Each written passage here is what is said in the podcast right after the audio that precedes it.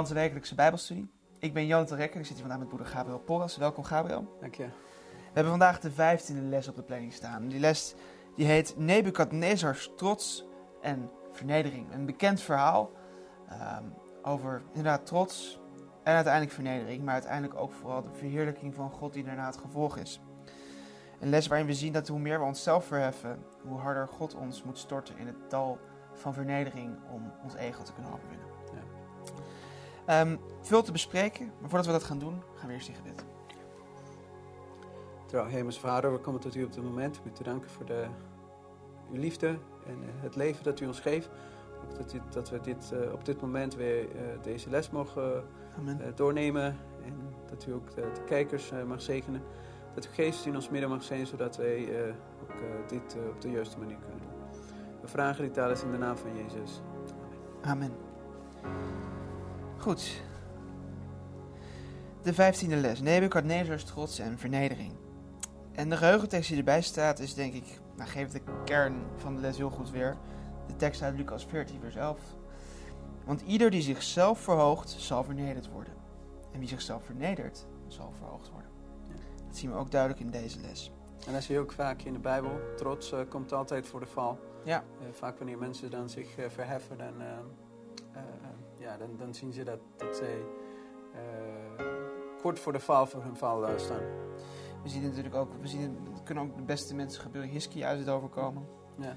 Ehm, Salomo die ehm, begon nederig, maar ja, die ging ook het verkeerde pad op met de afgodendienst. Ja.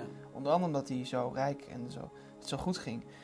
Dus vaak ehm, maken we de fout, we worden rijk gezegend door God, dat erkennen we ook. Mhm. En op een gegeven moment vergeten we dat, dat we voor al die zegen die we hebben ontvangen afhankelijk zijn van God. Ja, ja. En dat En- zien we eigenlijk ook hier. In dit geval gaat het natuurlijk om een, om een koning die, eh, eh, ja, geen Joodse koning. Het is een, een Babylonische Ja. koning. En, eh, maar ja, hij krijgt de kans om God te leren kennen. Dat zien we, hebben we gezien in de afgelopen keren, hoe keer op keer. Daniel 2, Daniel 5. eh, da- sorry, Daniel 2 en Daniel 3. En nu in Daniel 4, hoe hij nog een keer een ervaring met God eh, maakt. Ja, precies. We gaan met beginnen maar gewoon met begin bij de eerste vraag. Een, een, een nieuwe profetische droom. We hebben er eentje gehad in Daniel hoofdstuk 2, zoals je net benoemde. Ehm, de ervaring van de drie vrienden hebben we ook nu onlangs gehad. Ja. Ehm, waarin dus allemaal gelegenheden waarin koning Nebuchadnezzar de kans kreeg Ja. om God te erkennen en zijn, zijn macht en zijn heerlijkheid. En Nebuchadnezzar krijgt een nieuwe gelegenheid. Hij krijgt een nieuwe droom. Alleen is deze, deze droom eh, geen eh, het, heeft te maken met hem, met betrekking tot hem als persoon Ja, en niet voor zijn koninkrijk. Eh, want we zien, Het zometeen heeft- gaan we zien. ja, ja, het is echt specifiek op hem van toepassing. precies. Ehm, en de beschrijving in de Bijbel van deze droom is een bijzondere manier. Het is in de vorm van een brief. Ja. Of in de vorm van een aankondiging. Het is namelijk, het begint in Daniel hoofdstuk 4, vers 1 tot 5. Koning Nebukadnezar aan alle volken, talen en naties die op de hele aarde wonen, mogen vrede toenemen. En vervolgens vertelt hij over eh, de Allerhoogste God, hoe belangrijk God is, hoe machtig God is. En vertelt hij wat er zo gebeurt. Dus hij, het is een getuigenis. Een ervaring die hij deelt. Ja, hij is, hij is echt eh, onder de indruk van eh, wat met hem Ja. is gebeurd. Ehm, hoe zijn ervaring ehm, ja, op dat moment was. En, en hij begin af was. ehm, hij geeft de eer aan God vanaf het begin. En hij geeft ook aan dat hij bekeerd is, dat hij een les heeft, heeft geleerd. En dat God echt eh, God van, eh, van, van hemel en aarde is. Precies. En dat is natuurlijk ook ehm, Gods plan geweest met, ehm, Ja. eh, met al deze dingen. Ehm, Met Juda, maar, maar Juda heeft het natuurlijk niet gedaan. En het volk van Israël niet. En God liet het toe dat eh, het volk van, eh, van Juda in ballingschap zaten. Zodat zij ook ehm, niet alleen ehm, tot, tot besef zouden komen van wat ze hadden, wat ze hadden gemist. Maar dat ook andere volken eh, tot de kennis van God zo, Ja. zouden het is uiteindelijk altijd Gods doel geweest met zijn volk op aarde. Is om zijn heerlijkheid bekend te maken aan iedereen op aarde. Om duidelijk te maken dat God de machtig, de, dit leven van ons op aarde bestuurt. En heerst. ehm, om een licht te zijn voor de heidenen. Mhm. Ehm lukt inderdaad niet, dus niet. En dus gebruikt God de ballingschap. Ja, dan laat me Ja. ook denken aan wat Jezus zei. Als wij, als wij eh, de boodschap niet vertellen, zullen de stenen dat doen. En dan gebruikt God een koning om, om een de bekende wereld toen in de koning. tijd... Ja, een heidense koning. om eh, de naam van God te, te vergroten en eh, de kennis van. Ja, en we zien hetzelfde ook gebeuren in, ehm, in een aantal komende lessen over Daniel de Leeuwenkuil. Ja. Dat aan het einde ook Darius een soortgelijke Ja. eh, afkondiging geeft. Ehm, zijn ervaring is dus, hij krijgt op een bepaald moment, hij leeft zijn leven en op- uit het niets krijgt hij een droom en daar wordt hij bang van. Mhm. Ja. Ehm, hij lijkt dus wel enigszins te zijn vergeten ehm, dat nou, al die dingen die hij ervoor heeft meegemaakt met eh, de vrienden van Daniel en Daniel zelf. Mhm. En dat zien we wel vaker. We hebben een moment ervaring met God. En daardoor wordt ons geloofsleven versterkt. Maar op een gegeven moment, ehm, ja, het gaat allemaal goed. En hebben we God niet meer nodig, lijkt het. Ja. En gaan we gewoon verder met ons leven zonder dat we achtstaan op God. Ja. En dat lijkt ook een beetje te zijn met Nebuchadnezzar. Hij zegt bewust, ehm, ik leefde zorgeloos in mijn huis en in welstand in mijn paleis. Mhm. Nou, dat is vaak een moment waarop Satan makkelijk toe kan slaan. Ja, als we het zorgeloos hebben en het gaat goed. En als we dan ook God vergeten, dat is vaak een, een recept voor ellende. We zien ook dat God een, een duidelijke plan met Nebuchadnezzar eh, had Ja. en ook met, eh, met Babylon. En eh, dan zien we ook in het eerste stukje van de opmerking dat de hoge voorstelling van Gods plannen met de volkeren verloor Nebuchadnezzar later uit het oog. Toen het rot werd en ja, toen zijn hoogmoed geest, hoogmoedige geest echter werd vernederd voor de ogen van de menigte in de vlakte van Juda, had hij opnieuw erkend dat Gods koninkrijk een eeuwig koninkrijk is en dat zijn heer- heerschappij was van geslacht tot geslacht. Dat had hij op dat moment dan ja, voorbij laten gaan. Ja, dankjewel. Maar God was barmhartig en, in, in, in- en op dit moment geeft hij een droom wat hij had bereikt, wat hij had, wat hij ook voor de andere volken was geworden. En ook eh, wat, hij, wat met hem ook zou gebeuren als hij, als hij niet zo eh, zou veranderen. Precies, het is een een God barmhartige waarschuwing, net zoals God. Ja. Nineveh waarschuwde en veel andere mensen waarschuwden. Eh, Saul werd gewaarschuwd. Ehm, God, het is hetzelfde dat God. ehm, in de Bijbel zien we dat eigenlijk iedereen krijgt een kans en gelegenheid om zijn fouten te verbeteren. Ehm, zelfs Farao kreeg meerdere kansen om zijn, zijn pad waar hij was ingeslagen te, Ja. te verbeteren. Ja. Maar Farao, zoals de Bijbel zegt, verhardde zijn hart. Ehm, in dat perspectief moeten we dit verhaal denk ik ook zien, want het, dat zeg ik even vooraf, voordat we natuurlijk naartoe gaan met de toepassing van de les. We zien in de Bijbel meerdere heidense koningen ook, die zichzelf verheffen, zoals Farao, Sanherib, en die verharden hun hart. En die ook een soort, een soort dus dezelfde, dezelfde doel had Ja. God ook met deze koning kun- kunnen bereiken. Egypte was toen de macht van de wereld eh, op dat moment. En had, hadden alle mensen die onder zijn hoede, eh, zijn, zijn onderdanen, dan hadden ze ook over God kunnen leren, weten, eh, kunnen leren kennen.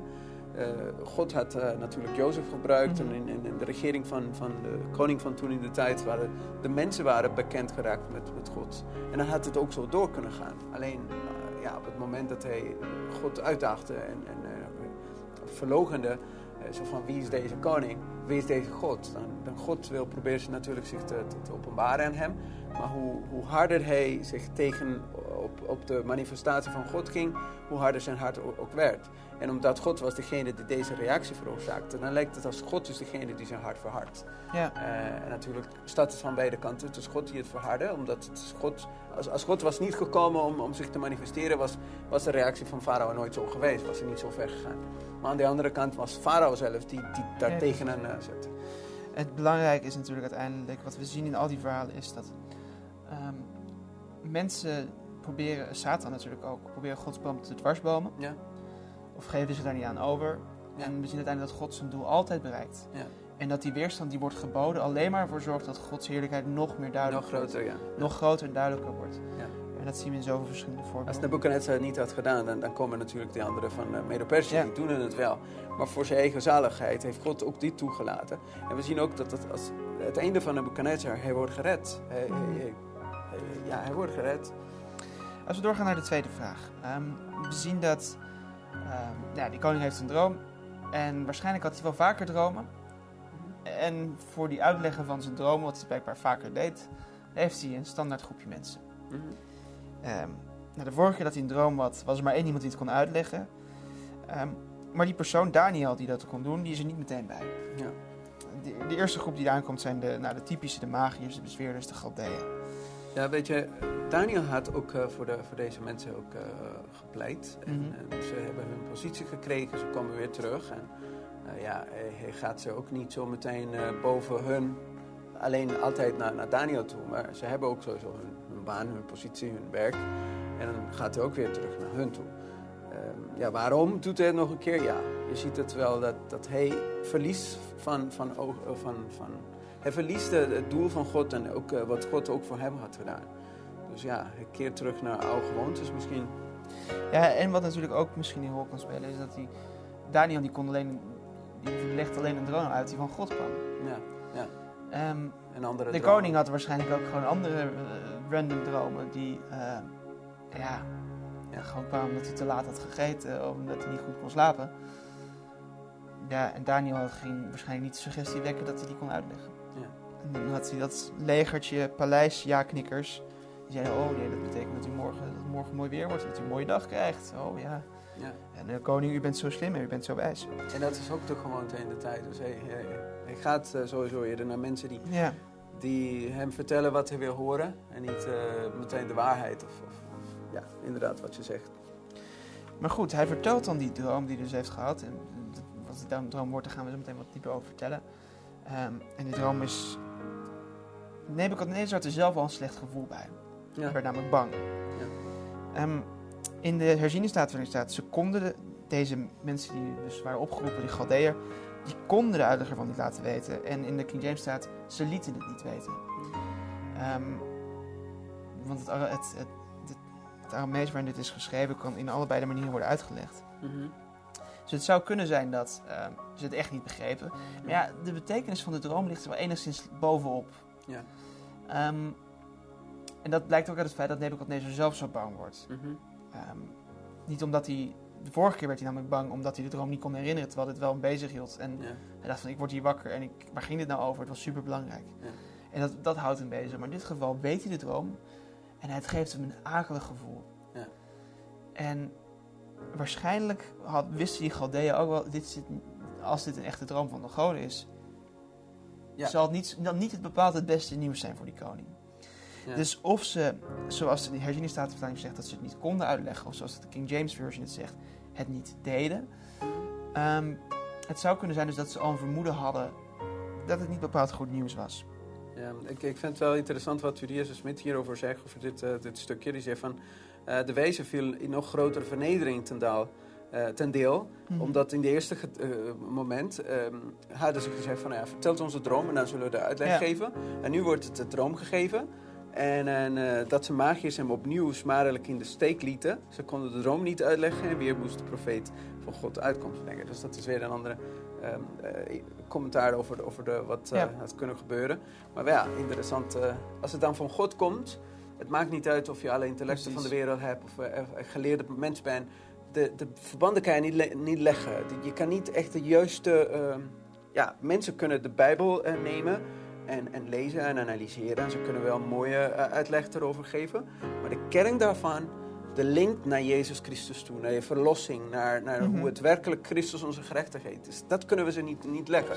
Ze zien het meer van een menselijke perspectief. Eh, en dat is op zich niet echt helemaal verkeerd. Eh, maar er is een diepere betekenis die God aan de mensen wil geven. En een ander belangrijk punt is natuurlijk, ehm, kijk, woorden zijn nooit op zichzelf duidelijk. Ja. Ehm, mensen denken dat iets wat op papier staat, Ja. dat er is wel een aannemelijke betekenis. Ja. Maar woorden zijn uit zichzelf hebben altijd uitleg nodig. Ja, zoals een e-mail die, die heel koud Precies. eh, en, Nee, vormelijk overkomt. Wat bedoelt deze persoon hier? Wat, wat, waarom staat dit zo? Bijvoorbeeld ook, wat bedoelt God met het feit dat het, hij het hart van de farao eh, verhardde? Ja, Betekende dat God het bewust deed, dat God hem een hak wilde zetten Ja, en hem in het verderf wilde storten? Ja. Of heeft het een andere betekenis? Ehm, dus woorden zijn op zichzelf, hebben altijd uitleg nodig. Mhm. En wie kan je dat nou het beste vragen, wat die woorden die betekenen? ja, diegene die het gegeven heeft. Precies. Wat, wat heeft je? Je hebt zoiets verteld. Ja, Ja. eh, wat is het? Ja. En dus ook voor ons, om te begrijpen wat God nou precies met de Bijbel bedoelt, is het nodig dat we het hem vragen. Ja. Want God kan ons het beste uitleggen wat, wat nou de uitleg van al deze dingen zijn. Dus om, we kunnen wel de context kennen, het is ook allemaal goed om te bestuderen, ons best doen om te zoeken naar de betekenis. Dat wil God ook dat we dat doen. Want Mhm. jij zegt ook zoek, onderzoek de schriften. Ja. Eh, en dat is ook allemaal goed. Maar uiteindelijk is dat allemaal niks waard als we niet in verbinding staan met de auteur. Ja. Met de achterliggende auteur. Want alleen hij kon ons, alleen God kan ons daadwerkelijk duidelijk maken wat dit allemaal betekent. En dat gold ook voor deze droom. Deze mensen konden wel beschrijven wat dit soort dingen normaal gesproken betekenen. Mhm. Ehm, maar de echte ware betekenis, die kon Ja. alleen iemand geven die in verbinding staat met God. Ja, en op zich was de droom niet zo moeilijk. Dat je zou kunnen denken van, nou, wat zou dat kunnen Ja, betekenen? je kan een goede gok maken. Ja, ehm, als buitenstaander. Maar God liet waarschijnlijk ook, ehm, verborg misschien ook deels de betekenis bewust voor deze Godeus, dat zijn heerlijkheid ja. verder kwam. Ja. En dan wordt Daniel, die blijkbaar dus nog niet is vergeten, eh, toch alsnog opgeroepen, het hoofd van de magiërs. Of een andere, nu, nu, nu denk je, een andere, een andere punt zal zijn, als, als jij begint te gokken en zegt ja, misschien, gebeur, misschien betekent dit en dat, ja, misschien kan dat ook betekenen. Hij wil echt weten, is het misschien of is het de echte betekenis daarvan? Ja, Dat kan ook eh, een andere reden of een ander punt zijn. maar uiteindelijk wordt dus Daniel opgeroepen en hij, hij wist dus ook, want er wordt gezegd, in wie ook de geest van de heilige goden, en dat is het Aramees Elohim, net van het Hebreeuws Elohim komt, dus dat kan ook Ja. betekenen de heilige God. Ehm, God wordt vaker, eh, wat wij God in enkelvoud noemen, wordt in de Bijbel vaak in het origineel in meervoud gegeven. Dat lijkt dus ook te betekenen dat Nebuchadnezzar was zich bewust van de goddelijke leiding die Daniel had. En hij vertelde de droom. En ehm, hij wil graag de uitleg weten. Nou, als we dan doorgaan dan naar de derde vraag, dan zien we wat die uit de droom betekent. Mhm. Wat, na het- wat de droom was. Ja. En hij ziet een, een boom Ja, hij ziet een boom en dan eh, midden, in de, eh, midden op de aarde, groot van zijn hoogte. De boom werd Mhm. groot en sterk. Zijn hoogte reikte tot aan de hemel. Hij was te zien tot aan de einde van de hele aarde. Zijn loof was prachtig, zijn vruchten waren talrijk, zijn voedsel en, en voor alle volken. En onder hem vo- vonden de dieren van het veld schaduw en de vogels in de lucht verblijven in zijn takken. Alle vlees werd door hem gevoed. Eh, ja, mooi, hè? Ja. mooi pracht, eh, een, een Precies. plaatje. Dus tot nu toe is het een mooie droom. Ja. Ja. We zien, ja, het is natuurlijk spoiler, eh, die, die boom dat is koning Nebuchadnezzar. Ja. Dat maakt Daniel natuurlijk later duidelijk. Ehm, maar we zien ook de beschrijving wat Nebuchadnezzar zelf ook had Johannes kunnen herkennen. Hij ziet een boom die al groot en sterk is. Mhm. Nebuchadnezzar erfde een, een machtig rijk, maar vervolgens toeneemt. Het wordt nog groter en nog sterker. En uiteindelijk reikt het tot de hoogte van de hemel. En het rijk wordt steeds groter. Het hoogtepunt van Babylons macht, eer en luister was onder koning Nebukadnezar. Mhm. Ja. We zien hier ook in wat Gods bedoeling is met, met koningen. Ja. Om bescherming te bieden voor zijn schepping en zijn schepsels. Met name zijn onderdanen. Ja, zoals, de, zoals het Nieuw Testament ook zegt, dat, dat, dat eh, Dat is onze dienares. dienares, klopt, ja, Ja. dat is het woord ik zocht. Dat, dat de overheid de dienares is ten goede dat ze dan eh, Ja. de orde... En, maar ook als, als God hen ook weer welvaart geeft, dat het ook de onderdanen daarvan eh, kunnen, Ja. kunnen, kunnen eten of kunnen... Precies. Dus het Gods bedoeling met, met heersers, met machthebbers is om... ehm, ze zijn een instrument in Gods handen om gerechtigheid en welvaart te bevorderen voor al zijn schepselen. Ja. Maar ze hebben natuurlijk nog een vrije wil om dat wel of niet te doen. Ja, interessant eh, vind ik dus dan vruchten. In de Bijbel wordt het vaak gezien als werken, wat je Mhm. doet. Dan is het taalrijk. Maar ja, net als wat je zegt, dus, eh, er is voedsel voor iedereen. En iedereen die er daar is, kan ervan genieten. En dat was ook Babylon. Ba- Babylon is, de, is de, ja, welvarend, maar ook meer eh, zacht in de zin van, van ka- qua karakter. eh, anders dan de Romeinen of andere koninkrijken. Ja. Dus, eh, Vervolgens en zie, komt er een wachter, die daalde neer uit de hemel. En die zegt, hak die boom om, kap zijn takken, stroop zijn loof af. Haal al het goede weg, zeg maar. mhm. Haal al zijn luister en heerlijkheid weg. Maar laat zijn stam Ja. met zijn wortels in de aarde. En wel in een ijzeren en bronzen band. In het jonge gras van het veld. Laat hem bevochten worden met dauw van de hemel. Laat zijn deel samen met die in het gras van de aarde zijn. Mhm. Ehm, het, en hij wordt, de boom wordt een mens. Meer, niet meer dat van een mens, maar het, wordt een, het krijgt een hart van een dier. Laat er zeven tijden over hem voorbij gaan. Ja, het laat me ook denken aan Daniel 7 van een leeuw. En de leeuw Hij krijgt een een mensenhart. mensenhart, Ja. trots en, en de gevoelens van de mens, ja. Precies, dan zien we dus ook daarin. Het loopt natuurlijk als een. Die ver- kruisverwijzingen die lopen door het hele boek van Daniel heen. ja. En het doel wordt ook duidelijk. Die wachter zegt waarom? Waarom moet dit nou een dier worden, die boom? Omdat hij moet erkennen dat de allerhoogste heerser is over het koningschap van mensen. En dat God het is aan wie die, zo, aan wie zijn luister heeft te danken. Ja. Nou, en dan zegt Nebuchadnezzar, nou, dit heb ik gedroomd. Ja. Daniel, wat vind je er nou van? En wat is Daniels eerste reactie?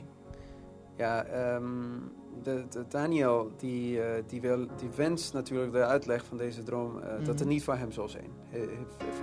Alsof hij wil zeggen van laat dat niet gebeuren voor jou, want, want dat wens ik, wens ik voor, voor andere mensen. Ehm, u Belshazzar vertelde de uitleg ervan, omdat geen van al de wezen van mijn koninkrijk ehm, he- heeft laten weten. U bent het wel toe in staat, want de geest van de heilige goden is in u. Eh, ja, toen zegt Daniel, de koning um, Belshazzar laat de droom en de uitleg daarvan verschrikken. Belshazzar antwoordde en zei, mijn heer, mogen de droom overkomen wie u haten en de uitleg ervan uw tegenstanders. Hij wenst het sowieso niet voor de koning. Nee, maar hij wordt ook bang. Hij beseft namelijk meteen wat het betekent.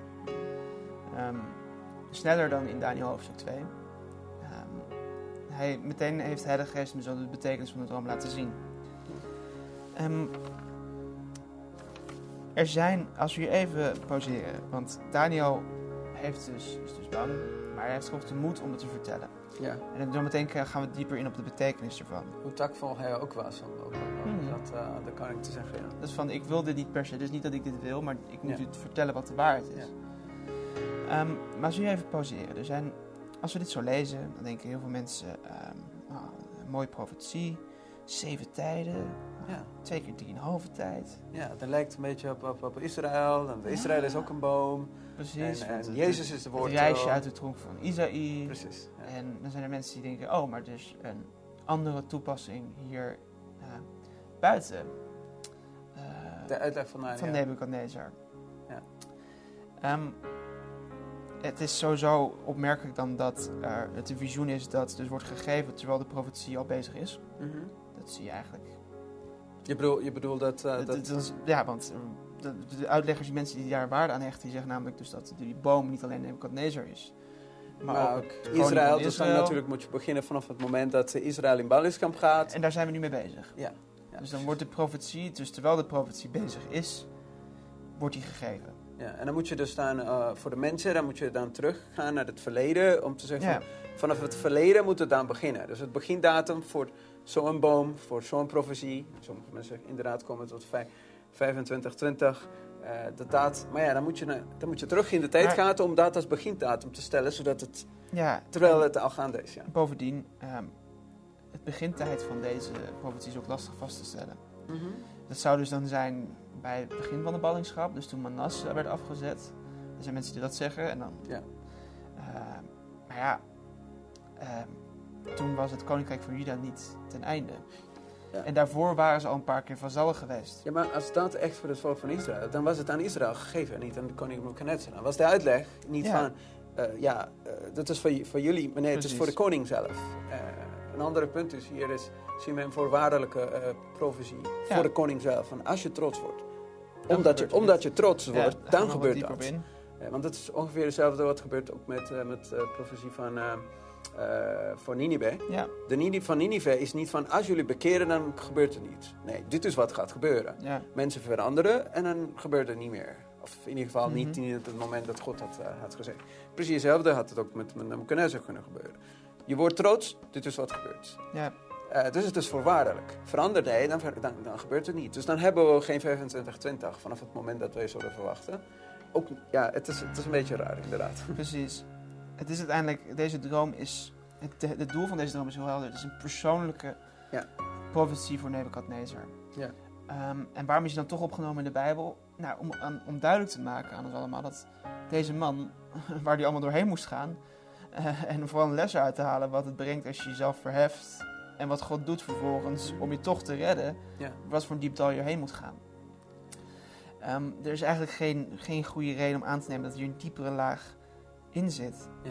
Ehm, Trouwens, daar- daarbuiten. ja, God gebruikt vaak de natuur om, de, om parallellen en vergelijkingen te maken, zodat mensen een les kunnen leren. Je bent een boom of, of, of eh, nou ja, een Mm. leeuw of dit, maar dat wil niet zeggen dat het ook weer voor iemand anders is. Eh, ik bedoel van, eh, omdat het natuurlijk bij een boom heb je groei en dan heb je Ja. mooie bladeren en dan heb je natuurlijk de dieren zijn eronder, dus dan, maar ja, dat is ook weer voor het volk van Israël. Maar niet omdat zowel Nebuchadnezzar als het volk van Israël met een boom vergelijken worden, wil zeggen dat deze parallel of deze profetie ook voor deze toegepast kan worden.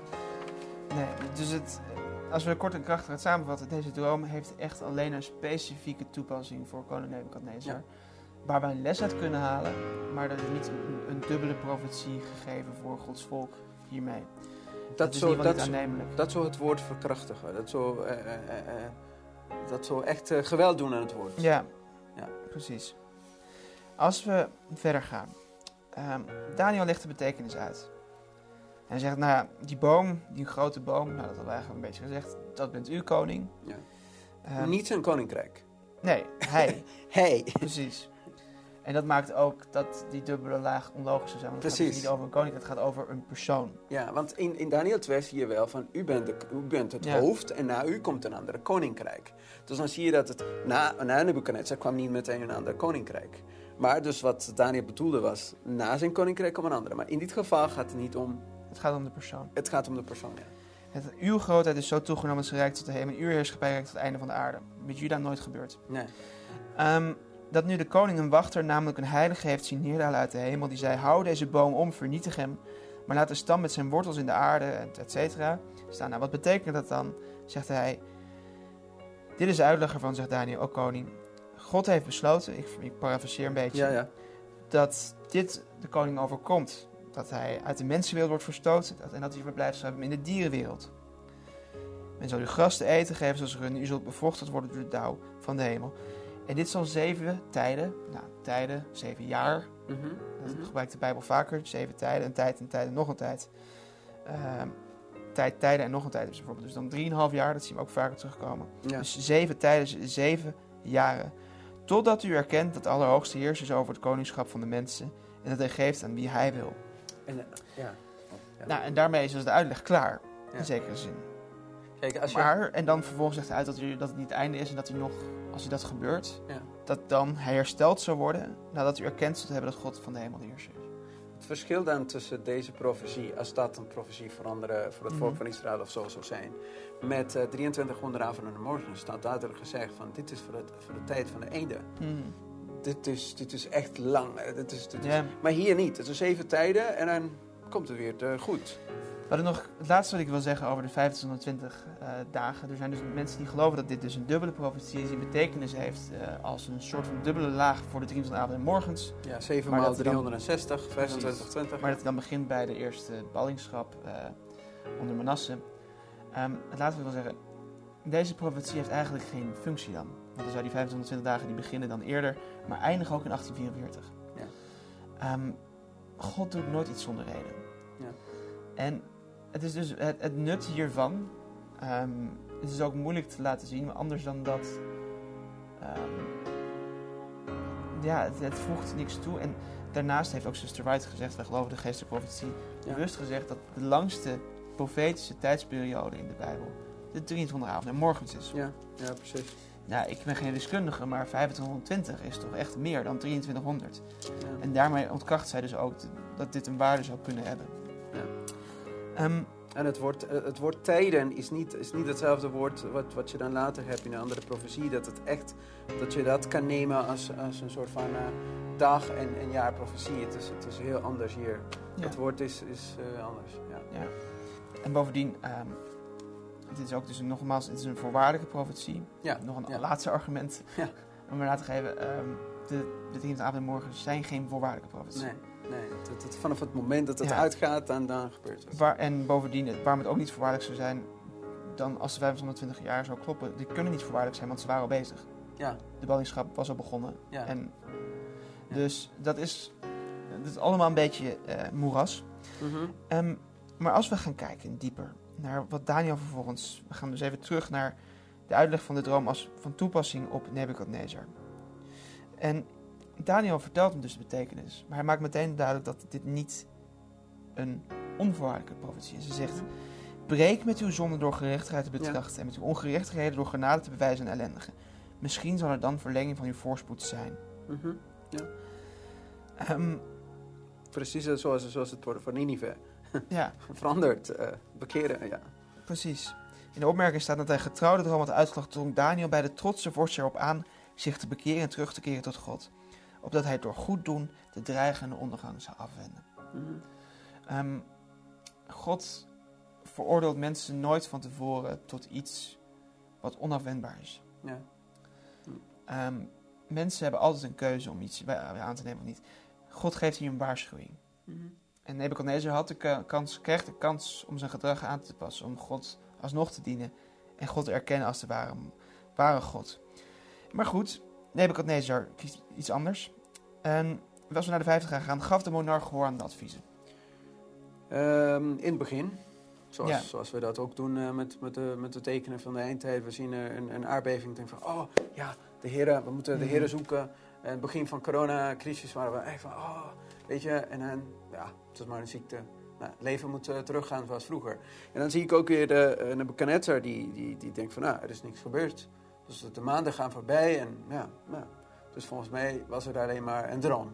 Dan had uh, Ja. Daniel niet gelijk. Het is wat we vaker zien inderdaad. Dus, eh, Mensen denken, hebben de illusie dat van uitstel altijd afstel komt. Ja. En, En dat, dat, God ook- liefde is, dat komt niet. De goddeloosheid in zijn hart, er is geen God. Waarom? Omdat de straf van de zonde uitblijft. Ja. Uit lijkt te blijven. Ja.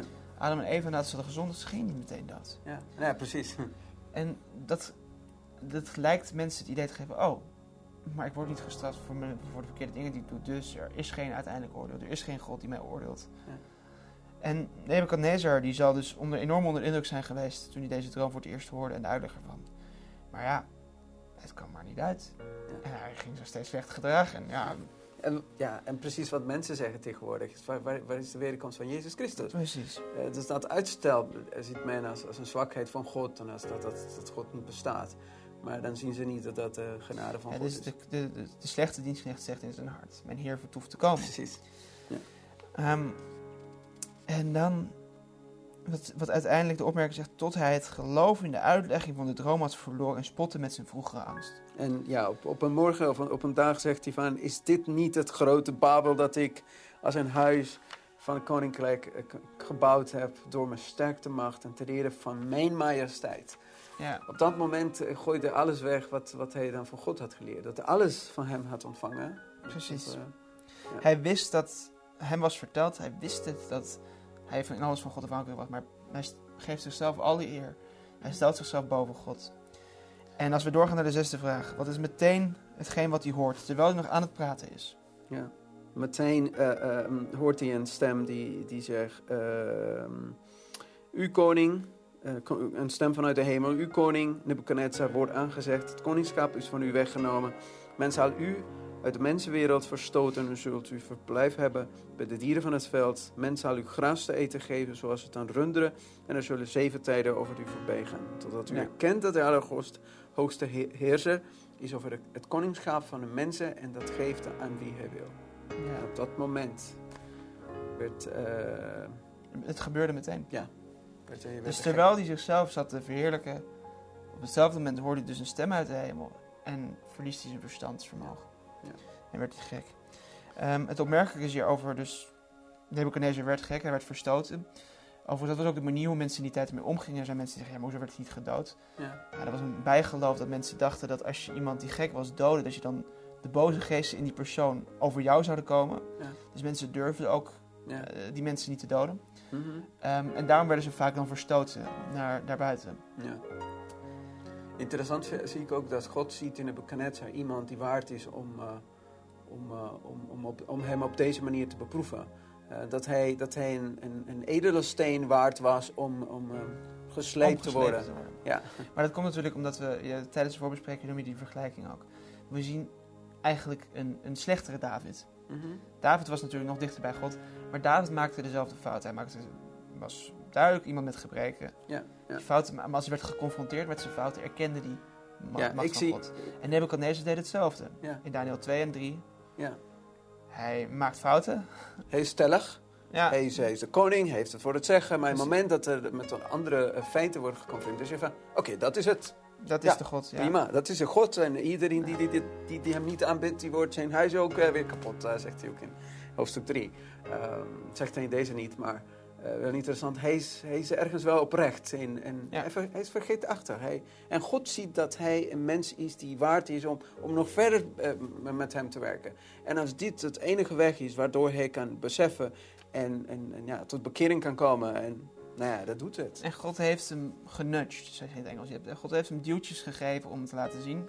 Ja. Maar de daadwerkelijke bekering kwam maar niet. Ja. Hij ging continu terug. Dus er. Drastische maatregelen nodig. Ja. Je, ziet ook een groei van Nebuchadnezzar. Hij gaat weer omhoog en dan valt hij en dan weer... En wat hij nog dieper uiteindelijk. Ja, Ja. Maar goed, die zeven jaar gaan voorbij. Hij leeft als een mens, als een dier onder de dieren. wow, de haar groot, dus zijn Ja. haar, alles groeit echt als een beest eh, op het veld. De tijd is voorbij en de Bijbel zegt twee keer dat zijn verstand terugkwam. Eerst uit het niets dat zijn verstand terugkwam en daarna nog een keer dat hij God had verheerlijkt dat zijn verstand terugkwam. Mhm. Dus wij, wij dachten misschien dat hij zijn verstand eerst gedeeltelijk terugkreeg. Een besef van waar hij was. Ja. Het laatste wat hij zich herinnerde was dat hij zichzelf verheerlijkte. Hij wordt een soort van wakker. Hij ziet zijn nagels, hij ziet zijn haar, hij ziet waar hij is, waar Ja. hij mee bezig is. En dan heeft hij een, een eerste besef En dan denkt hij, oké, van de situatie, ja. dit is er gebeurd. Ja. En wat doet hij meteen? Ja. Hey, eh, dat is de zevende vraag. Dan, dan eh, preest hij de Heer. Ja, Dan, eh, ik loofde de Allerhoogste en prees en verheerlijkt hem die eeuwig leeft. Zijn heerschappij is immers een eeuwige heerschappij. En zijn koninkrijk is van generatie op generatie. ja, hij erkende dus de macht van God. Mhm. En het mooie is dat God toen meteen zijn volle verstand heeft teruggegeven. Ja.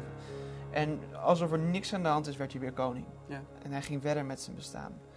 Het was dus ook geen straf van God dit. Ja. Het was echt Gods manier om iemand terug te brengen op het juiste pad. Ja. Nebuchadnezzar had een harde maatregel nodig. Mhm.